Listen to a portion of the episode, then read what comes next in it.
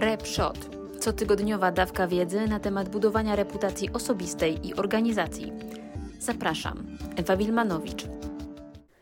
Początek roku to zawsze nowe działania, nowe postanowienia, ale także tworzenie pewnego planu na najbliższe miesiące.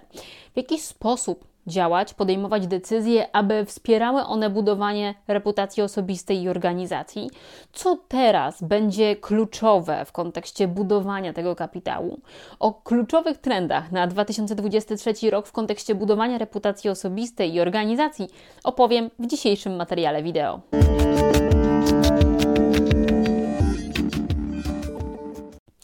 Osobisty głos w komunikacji firmy coraz mocniej stawiamy na marki osobiste, na marki osobiste liderów, menadżerów w organizacji, członków zarządu i prezesów, w tym również przede wszystkim założycieli. W związku z tym kontekście całej komunikacji firmy coraz częściej wykorzystywane są poszczególne osoby.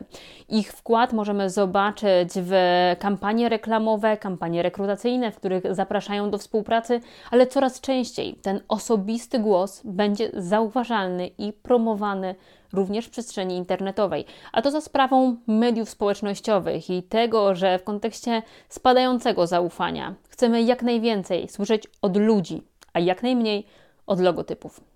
Jesteś tak ważny, jak jesteś potrzebny.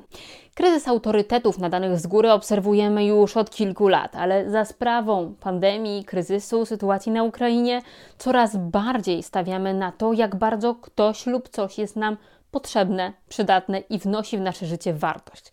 Zatem stanowisko, nazwisko, pozycja znaczy coraz mniej, a coraz bardziej istotna jest po prostu przydatność i wnoszenie realnej wartości.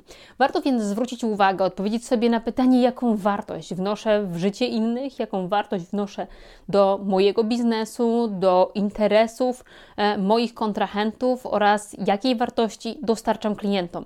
Nie moja firma, ja osobiście. Koncentrowanie na tym, swojej komunikacji, koncentrowanie wokół tego wszystkich publikacji, które tworzymy, wystąpień, e, przemówień na spotkaniach, zebraniach, e, Radzie Nadzorczej, będzie sprawiało, że ludzie będą dostrzegać Was znacznie większą wartość. A dzisiaj bycie potrzebnym jest bardziej w cenie niż kiedykolwiek wcześniej. Trzeci trend to kontrolowanie, prezentowanie w mediach społecznościowych swojej prywatności.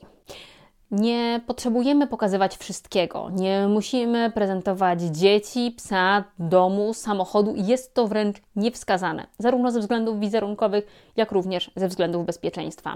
Jednak y, rosnąca za sprawą mediów społecznościowych potrzeba poznawania ludzi z ich ludzkiej strony jest coraz większa. E, w związku z tym, aby być wiarygodnym w tym, co mówimy, aby być autentycznym i trafiać ze swoim przekazem e, do swoich interesariuszy, klientów, kontrahentów, przedstawicieli, ale także pracowników, potrzebujemy w kontrolowany sposób wyznaczać granice prywatności, ale jednocześnie prezentować pewne elementy związane z naszym życiem prywatnym, z tym, kim jesteśmy, co nas fascynuje, co nas interesuje. To może być hobby, to mogą być konkretne dokonania, to mogą być pasje albo to, co lubimy robić w wolnych chwilach. To mogą być rzeczy, które pozostają w sferze naszych marzeń i chcielibyśmy je wkrótce zrealizować, albo spektakularne porażki, które nadadzą nam trochę bardziej ludzkiego wymiaru i pozwolą nam utożsamić się z jednej strony z innymi bohaterami, którzy wielokrotnie zmagali się z trudnościami, ale z drugiej strony naszym interesariuszom utożsamić się z nami. W tym roku przetrwają wyraziści. Kapitał reputacji, ale także kapitał komunikowania reputacji w mediach społecznościowych, w sieci, spotkaniach z interesariuszami jest kapitałem niematerialnym, bardzo trudnym do zastrzeżenia i ochrony. W związku z tym pewne ich elementy są bardzo łatwe do skopiowania i powielania, A to powoduje, że bardzo trudno jest dzisiaj odróżnić oryginał od podróbki.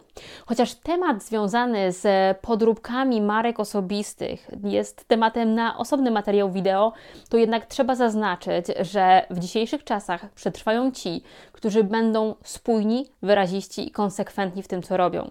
Przetrwają ci, którzy zaznaczą swoją obecność z dużym impetem, będą wskazywać na wartość wynikającą z realnego działania, bo ta najtrudniejsza jest do skopiowania i będą to konsekwentnie komunikować, dając w ten sposób również na poziomie komunikacji wartość w swoim otoczeniu.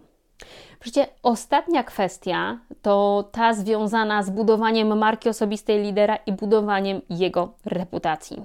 Przestaje to być zakres obowiązków dla działu PR albo zadanie dla agenta czy menedżera.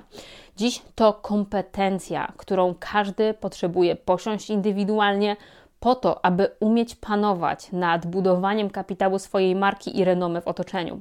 Tak jak nie da się kogoś wynająć do zbudowania za nas pięknej sylwetki, tak praca z strategiem, z doradcą w zakresie budowania reputacji, owszem, pozwala skrócić czas budowania tego kapitału, pozwala skupić się na najbardziej skutecznych praktykach i uniknąć wielu błędów ale realnie potrzebne jest osobiste zaangażowanie osoby, która chce pracować nad swoim nazwiskiem i nad swoją reputacją. Dział PR, menadżerowie, agencje marketingowe będą spełniać swoją funkcję w kontekście komunikacji. Natomiast budowanie osobistej renomy staje się kompetencją. Mam nadzieję, że te lekcje pozwolą Wam lepiej zaplanować działania związane z budowaniem reputacji osobistej i organizacji. W tym roku moim mocnym postanowieniem jest to, aby publikować materiały wideo co czwartek o 7.45, dlatego zapraszam do regularnego ich oglądania na LinkedInie, na moim kanale YouTube oraz na kanale na Facebooku. Szukasz więcej porad na temat budowania reputacji osobistej i organizacji? Wejdź na moją stronę internetową www.ewawilmanowicz.pl i obserwuj moje profile w mediach społecznościowych.